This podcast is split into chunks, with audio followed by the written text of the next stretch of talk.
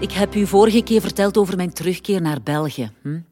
Over het aanbod van Dave, dat niet zozeer een uitnodiging, maar eerder een bevel was. Ik heb toen beseft dat ik niet gemaakt ben om samen te werken met anderen. En zeker niet als ze traag en lui zijn. Ik doe het liever zelf. Want je weet het, hè? Wat je zelf doet, doet je altijd beter. ja. Ik heb mijn eigen advocatenkantoor uit de grond gestampt. En het duurde niet lang of ik had een uitstekende reputatie opgebouwd. Iedereen was bang om het tegen mij op te nemen in de rechtbank. Volledig terecht trouwens. Hè? En zo kwam ik dus op een dag tegenover Tom te staan. Hij verdedigde een vriend van hem, die zijn handjes niet kon thuishouden. Weer zo'n varken. Tom had eigenlijk een goede zaak. Hij maakte veel kans om mijn cliënt te laten veroordelen. Maar ik wist dat ik het niet tot een proces mocht laten komen. En ik had zo mijn eigen manier om daarvoor te zorgen. Ik ontdekte al snel dat die vetzak al een paar keer ontslagen was wegens ongewenste intimiteiten. En ik wou zijn huidige baas daar gerust van op de hoogte brengen. ja, hoort het, hè? Uw doel bereiken, dat is wat telt. Dat is mijn drive. En ik slaagde in mijn opzet. De tegenpartij ging akkoord met een minnelijke schikking, tot grote frustratie van Tommeke de Dekker. Ja, dat had hij niet verwacht. Hij was nogal onder de indruk. Een vrouw zoals ik, hm, die was hij precies nog niet tegengekomen. In de jaren daarna hebben we elkaar nog een paar keer gekruist in de rechtbank. Maar ik leerde Tom pas echt kennen toen hij mij vroeg om bij te springen in zijn kantoor. Ja, ja. Peter Vleerik was een tijdje oud, na de dood van Lucas, en ik nam een paar dossiers van hen over. Het zou maar tijdelijk zijn, maar die paar weken werden een paar maanden.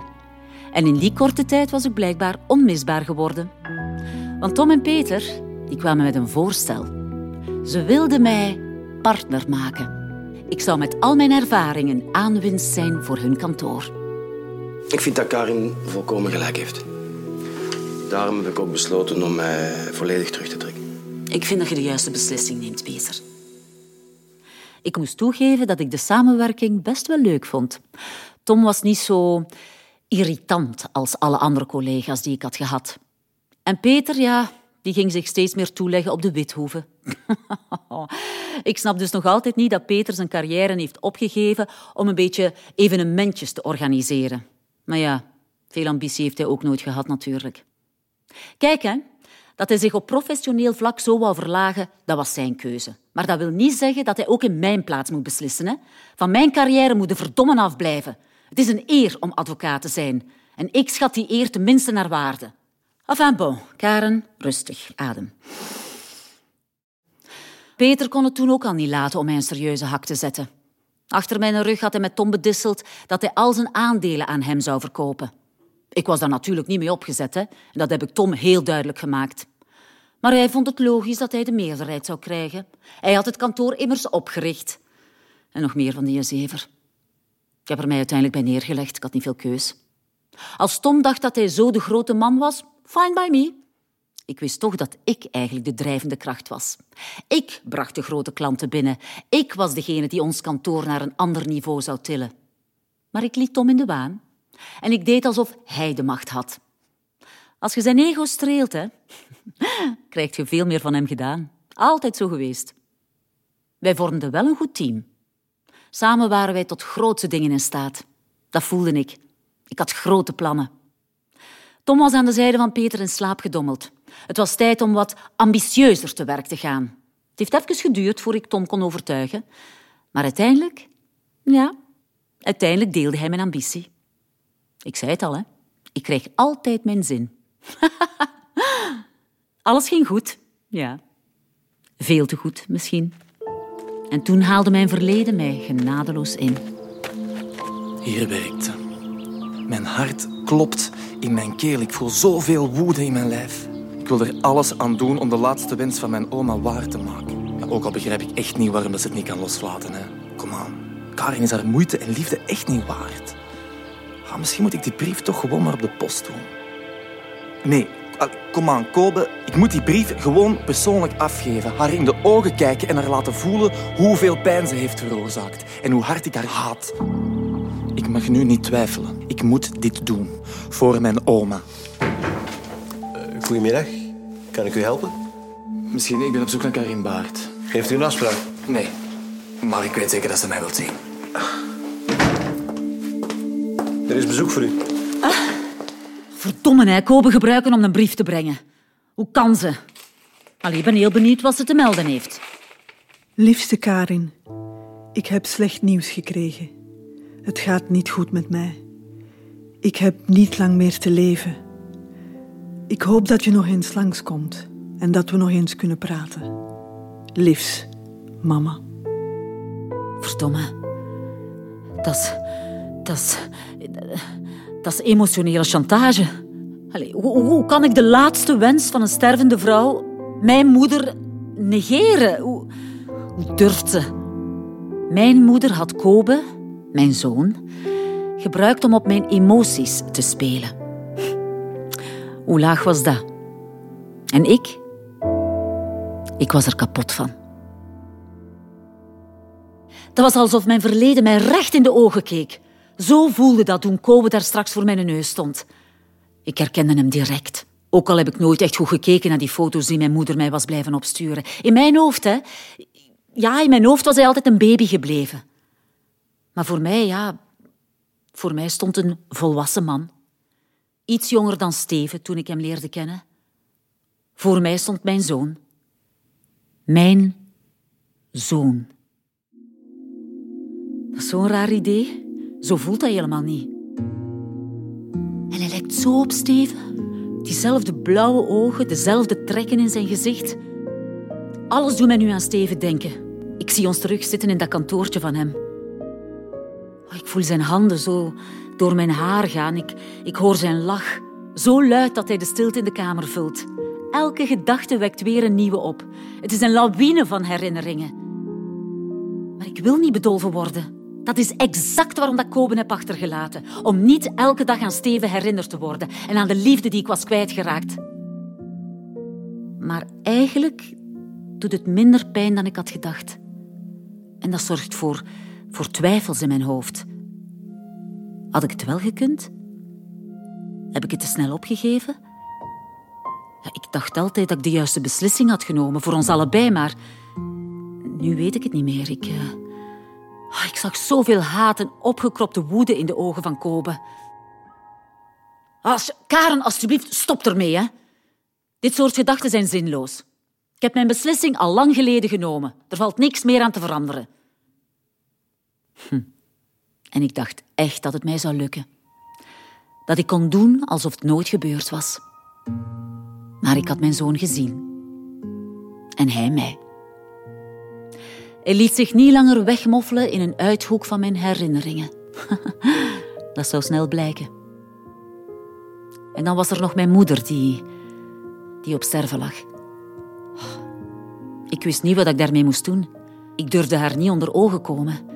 Ik bleef twijfelen en ondertussen ging het elke dag een beetje slechter met haar. Elke dag gaat ze een beetje achteruit. Ik probeer met evenveel liefde en, en toewijding voor haar te zorgen als zij altijd voor mij heeft gedaan.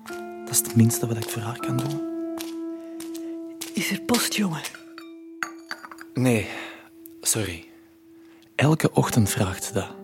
Ik haat het. Die teleurstelling in haar ogen, dat is, dat is ondraaglijk. Uh, misschien is de brief kwijtgeraakt. Dat gebeurt soms. Uh, misschien, ja.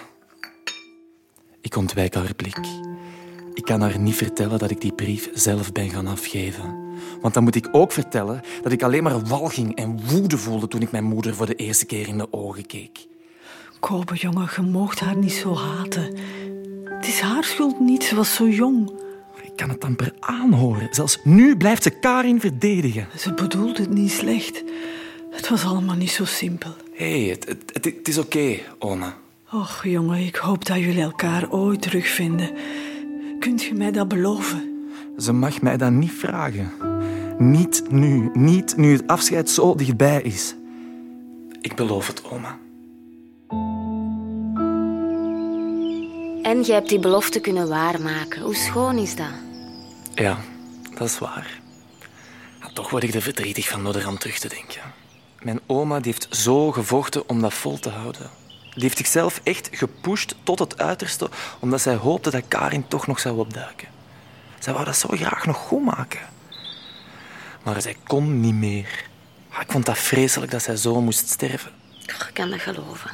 Een kind verliezen, dat, ja, dat blijft pijn doen. Ja, dat, dat snap ik nog altijd niet. Dat, dat Karin niet het respect of de moed had om op die laatste wens van haar moeder in te gaan. Alleen zelfs die gemoedsrust, dat kon ze haar niet geven. Ik kon het niet. Ik had dat hoofdstuk al lang geleden afgesloten. Ik had tijd nodig om controle te krijgen over al die emoties die ik zo lang had onderdrukt en waar ik nu geen blijf mee wist. Ik heb te lang getwijfeld. Een week later stond Kobe weer voor mijn neus. Met een doodsbrief. Ik was te laat. Mijn moeder was er niet meer. Dat besef drong niet door. Ze was al zo lang niet meer in mijn leven en toch... Toch kwam het verschrikkelijk hard aan. Mijn oprechte deelneming. Ik vind het zo erg voor u. Ik wou zijn medelijden niet. Hij begreep er helemaal niks van. Hij moest mij gewoon maar rust laten. Ik had het verkloot, ik was laf geweest. Oh, ik had haar nog zoveel willen zeggen. Ooit. Als ik er klaar voor was. Maar nu was het te laat. Ik wist dat ik naar haar toe moest. Maar niet naar de begrafenis, dat kon ik niet. Ik ben uiteindelijk daarna naar het kerkhof geweest waar ze, waar ze begraven ligt. Wat doe jij hier? Sorry, Je hebt hier niks te zoeken, niks. je hebt gelijk. Ik heb hier niks te zoeken. 23 jaar. 23 jaar heeft zij op u liggen wachten. En jij komt niet eens aan haar sterfbed. Hoe fucking laf kun jij zijn? Egoïstische bitch. Ja, Koben had heel mijn wereld op zijn kop gezet. Maar dat kon ik dus niet toegeven. Hè. Ik zei tegen mezelf dat er niets zou veranderen.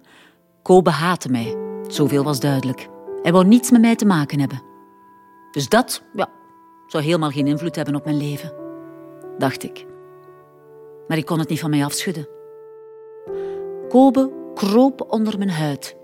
En ik voelde allemaal dingen die ik niet wilde voelen. Ik werd er zot van. Ik kon mij zelfs niet meer focussen op mijn werk. En dat was wat mij anders overeind hield. Oh, ik vond mijn eigen zo zwak. Gelukkig vond ik de nodige afleiding op kantoor. En niet alleen in het werk. Je weet wel wat ik bedoel, zeker. Hè? Tom en ik, ja, wij werkten goed samen. En wij groeiden steeds meer naar elkaar toe. En onze keuze om meer te focussen op grote bedrijven leverde al direct een eerste grote uitdaging op. Onze belangrijkste cliënt had een gigantische schadeclaim aan zijn been. En wij hadden maar een paar dagen om een verweer op te stellen. Het was een echte race tegen de klok om op tijd klaar te geraken. Veel hebben we die week niet geslapen. En tijdens die lange nachten op kantoor leert je elkaar toch wel mm, ja, op een beetje een andere manier kennen. Hè? Zeker als de whisky wordt bovengehaald. ja, dat lusten we allebei wel. Maar het zag er niet goed uit. Na dagen en nachten zwoegen waren we nog geen stap dichterbij en onze tijd was bijna op. Maar toen, toen vonden wij eindelijk de oplossing. Oh man, die euforie dat je dan voelt, dat is fantastisch. We hadden het gehaald en dat moest natuurlijk gevierd worden. Er ging een fles champagne open, de sfeer was uitgelaten en de seksuele spanning die al een tijdje in de lucht hing, hmm, die bereikte een toppunt. Oh, dat geluid hoor ik graag. Voilà. Alsjeblieft. Merci. Op ons? Ja, op ons. Oh, dat is lang geleden dat champagne mij nog zo gesmaakt heeft. Zalig. Nog een beetje? Ik heb u toch gezegd? Eens je in de flow zit, dan... Ik kijk al uit naar onze volgende uitdaging. Ah, wel, ik ook. De Dekker en Baart zijn een topteam. Niet? Achteraf had Tommeke plots spijt. Hoewel hij toch duidelijk genoten had. Hè? Maar ja, hij wou zijn relatie met Judithje niet op het spel zetten. Ik stelde hem gerust. Ik zou absoluut niks zeggen. En vanaf toen hè, was zijn schuldgevoel plots een heel stuk minder groot. en dus gebeurde het dat wij af en toe seks hadden. Soms kreeg Tom weer eens last van zijn geweten. Vooral toen zijn huwelijk met Judith dichterbij kwam. Oeh, toen deed Tom echt zijn best om zich in te houden. Enfin, nu loop ik eigenlijk al voor op het verhaal. Wat Tom en ik hadden, hè, dat was iets puur fysiek. Tom was gewoon een goede collega. En de extra legale voordelen, ja, die waren goed meegenomen, meer niet. Judith was de grote liefde van Tom. En ja, ik was daar eigenlijk blij om. Het was veilig om met Tom in bed te duiken. Hij zou niks meer van mij verwachten. Tom was niet beschikbaar en dat stelde mij gerust. Misschien daarom dat ik ergens onderweg toch vergeten ben om mijzelf te wapenen. En dat ik stilaan, zonder het te beseffen, toch wel voor hem gevallen ben. Toen nog niet, hè, maar ja, misschien was de basis daar al gelegd, ik weet het niet. Ah, ik dwaal weer af, hè. Anyway, Tom hield mij af en toe om mijn gedachten te verzetten. En het lukte steeds beter om Kobe te vergeten. En toen ontdekte ik tijdens een lunchmeeting op de Withoeve dat hun veelbesproken getalenteerde chef niemand minder dan Kobe was. Chaka, terug naar af. Dat was dus weer zo'n lage streek van Peter om mij op die manier te raken. Hè? Ik vond het een verschrikkelijk idee dat Kobe zo dichtbij was. Hoe kon ik in het heden leven terwijl mijn verleden mij constant achtervolgde? Maar ik wou niet meer vluchten. Ik had iets opgebouwd, een carrière, maar ook een vriendschap met Tom. En dat ging ik niet allemaal opgeven. Hè? No way. Het ergste was dat Tom ook doorhad dat er iets aan de hand was. Ik probeerde het allemaal weg te steken, maar blijkbaar niet goed genoeg. En hij had Koben ook herkend. Dat is toch diegene die u de doodsbrief van uw moeder is komen brengen toen? Hm? Ik werd helemaal zot van die bezorgde blik. Tom bleef maar zeggen dat ik hem kon vertrouwen, dat ik met hem kon babbelen. Maar dat wilde ik niet. Ik wilde niet dat hij anders naar mij zou kijken. Tom was een goede collega en we werkten goed samen. Maar we hadden geen hechte band. Het was niet zoals het nu is. Allee, was. Ik vertelde Tom niks over mijn privéleven. Ik was en ik ben van het principe dat je je privé niet meebrengt naar het werk. Zolang ik deed alsof alles in orde was, kon ik overeind blijven. Het was moeilijk, maar voorlopig lukte het mij om alles weg te duwen. Al zou dat niet lang meer duren. Ik wist toen nog niet dat Steven al een hele tijd teruggekeerd was uit Canada. En dat hij bijna de nieuwe CEO zou worden van RDT Shipping, een van onze grootste cliënten. En dat hij binnenkort voor mijn neus zou staan, bijna 25 jaar nadat we elkaar voor de laatste keer hadden gezien. Ik was daar totaal niet op voorbereid. Ik schrok zo hard toen ik hem zag zitten in ons kantoor. Dat klopte niet. Steven was iemand uit een ander leven. Hij bestond alleen nog maar in mijn herinneringen. En nu was hij plots hier. Dat kon niet. Ik ben weggelopen, nog voor hij de kans had om mij te zien. En ik dacht echt dat ik kon doen alsof het nooit gebeurd was. Maar dat was natuurlijk niet zo. Ik kon alleen maar aan Steven denken. En hij blijkbaar ook aan mij. Ik kwam mij op een avond opzoeken op kantoor. Karen, jij zei het dus. Echt. Sorry, maar ik... ehm, ik verwacht nog een cliënt. Ja, ik wil je ook niet storen. Nog altijd hetzelfde bezige bijtje zie ik. En je ziet er nog altijd even fantastisch uit. Hoe lang is dat nu geleden? Twintig jaar? 24. Exact, 24 jaar. En in die 24 jaar is er geen dag voorbij gegaan dat ik niet aan u heb gedacht. Ehm, ik moet echt gaan.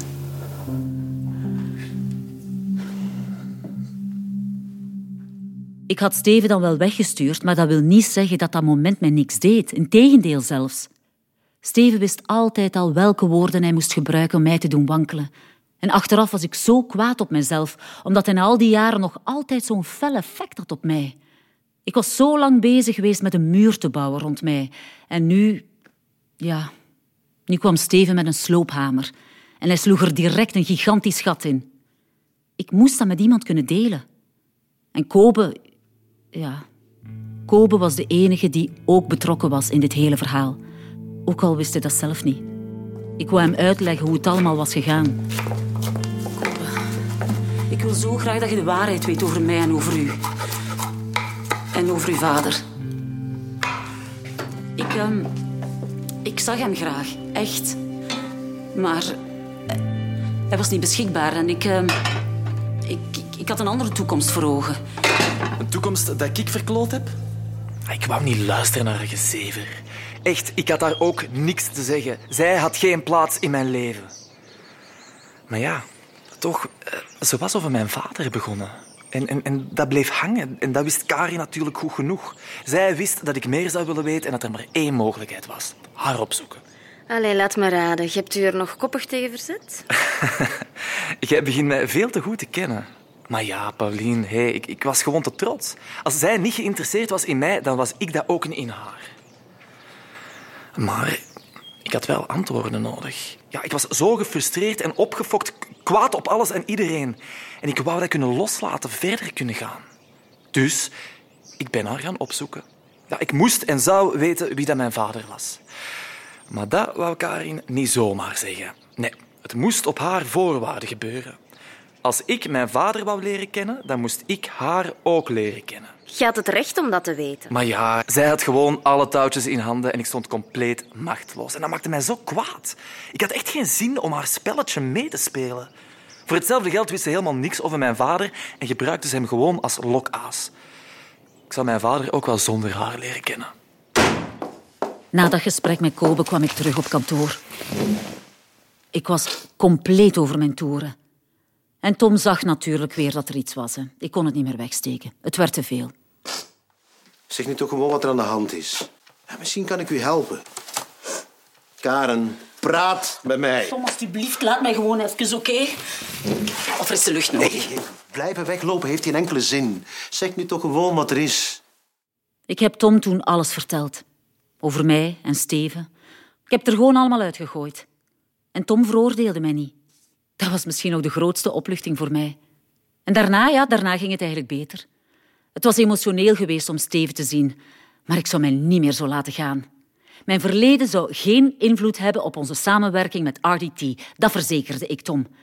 Ik zou mezelf en mijn emoties onder controle houden. En dat lukte ook goed. Allee, meestal toch. Ja, um, Steven heeft mij uitgenodigd voor een, uh, voor een werklunch. Ik had het liefst gewoon nee gezegd, maar uh, ja, dat is geen optie. Hè. RDT Shipping is een van onze belangrijkste cliënten. En als de CEO zaken wil bespreken, ja, dan moet ik daarop ingaan. Dat is mijn job. En ik wil aan mezelf bewijzen dat ik het kan. Ik sta erboven. Oh, shit, hè. Stomme mascara. Stomme trillende handen. Ah, ja, misschien ben ik toch een beetje zenuwachtig. Maar ja, eigenlijk is dat wel normaal, hè. Dat komt door Steven en die blik die dwars door mij heen lijkt te gaan. Hij kent mij te goed, hè. En vooral, hij kent een Karen die anderen nog nooit hebben gezien. Oh, ik hoop dat hij niet over vroeger begint. Ik wil mij niet verliezen in herinneringen. En tot nu toe is het mij altijd goed gelukt om hem op een veilige afstand te houden. Maar ik weet niet of ik dat nog lang kan volhouden. Allee, kan. Karen, kom aan, je kunt het.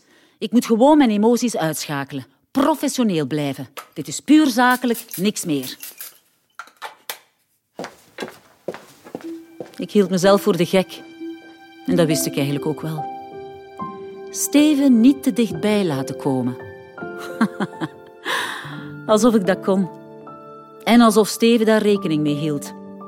Hij kwam mij opzoeken en hij begon over zijn gevoelens. Ik probeerde het af te blokken. Maar hij wist goed genoeg wat er aan de hand was. Daarvoor kende hij mij te goed. Laten gaan destijds is de grootste stommiteit die ik in mijn leven heb begaan.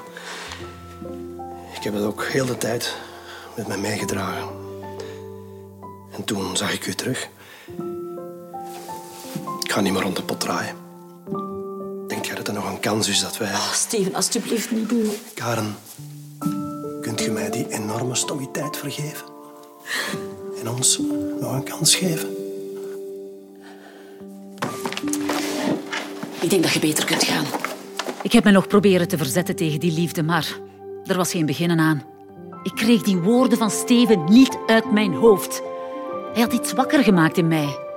Het voelde alsof ik al die tijd daarvoor verdoofd had rondgelopen. Dat kon ik niet negeren.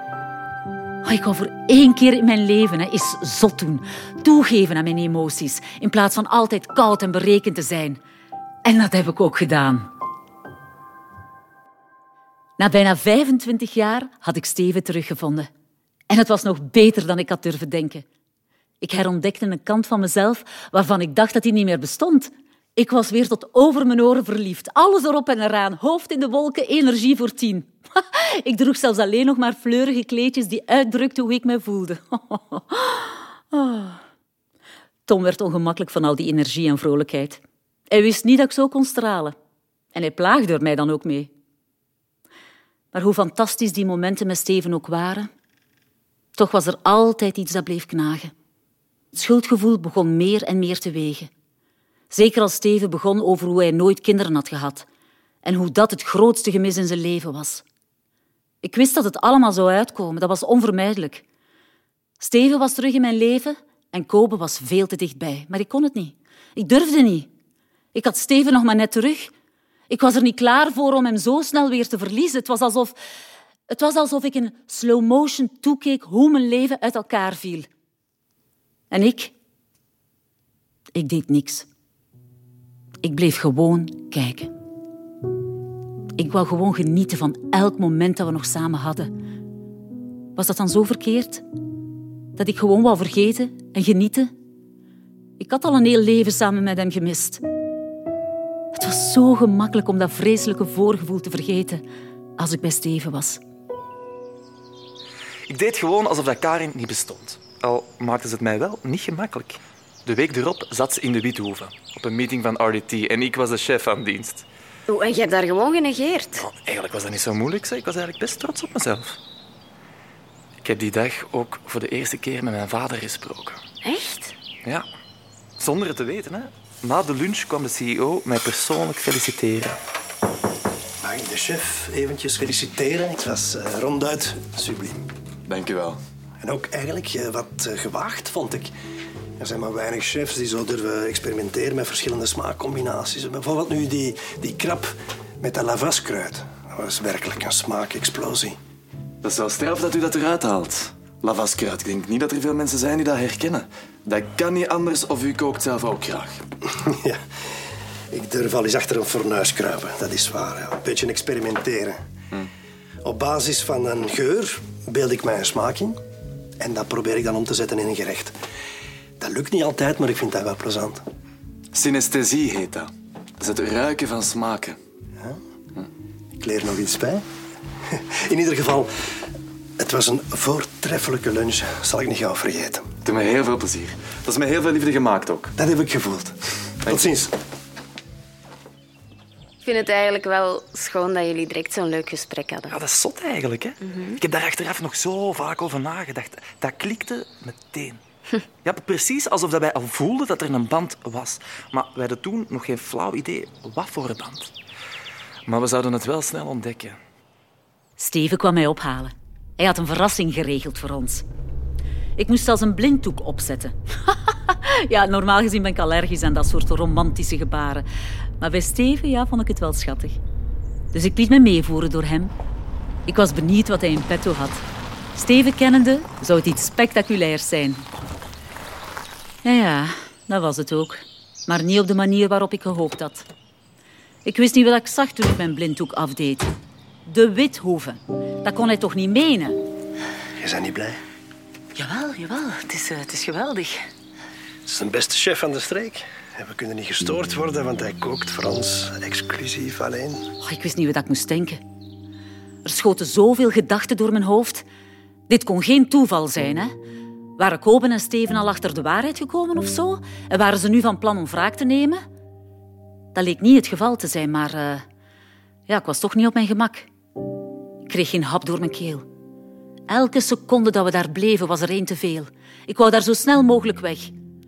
Ik heb mijn charmes nog in de strijd gegooid en geprobeerd om Steven te overtuigen om het dessert over te slaan en in de plaats daarvan direct naar huis te gaan. Maar Steven wou per se proeven van de creatie van de chef. Ik kon maar niet ophouden over zijn kookkunsten. En dat dessert, dat dessert kwam Kobe persoonlijk aan tafel brengen. Ik hield mijn adem in. Ik wist dat het fout zou aflopen. Dat voelde ik aan alles. Maar Kobe negeerde mij. Liet niets merken. Hij liep alweer terug naar de keuken. Oh, man, ik had het spannendste moment uit mijn leven overleefd. Smakelijk. Maar toen, Dank u. Toen riep Steven hem terug. Oh, chef, chef, chef. Een beetje onbeleefd van mij. Ik vergeet u nog voor te stellen aan mijn nieuwe vriendin, Karen. Enfin, nieuw is niet helemaal juist, schat. We kennen elkaar van vroeger. En na 24 jaar elkaar teruggevonden. De wonderen zijn de wereld niet uit. Wat is er? Is, dit mijn vader? Wat? Ja, Karen, het was om zeep. waarom? Alles stortte in elkaar.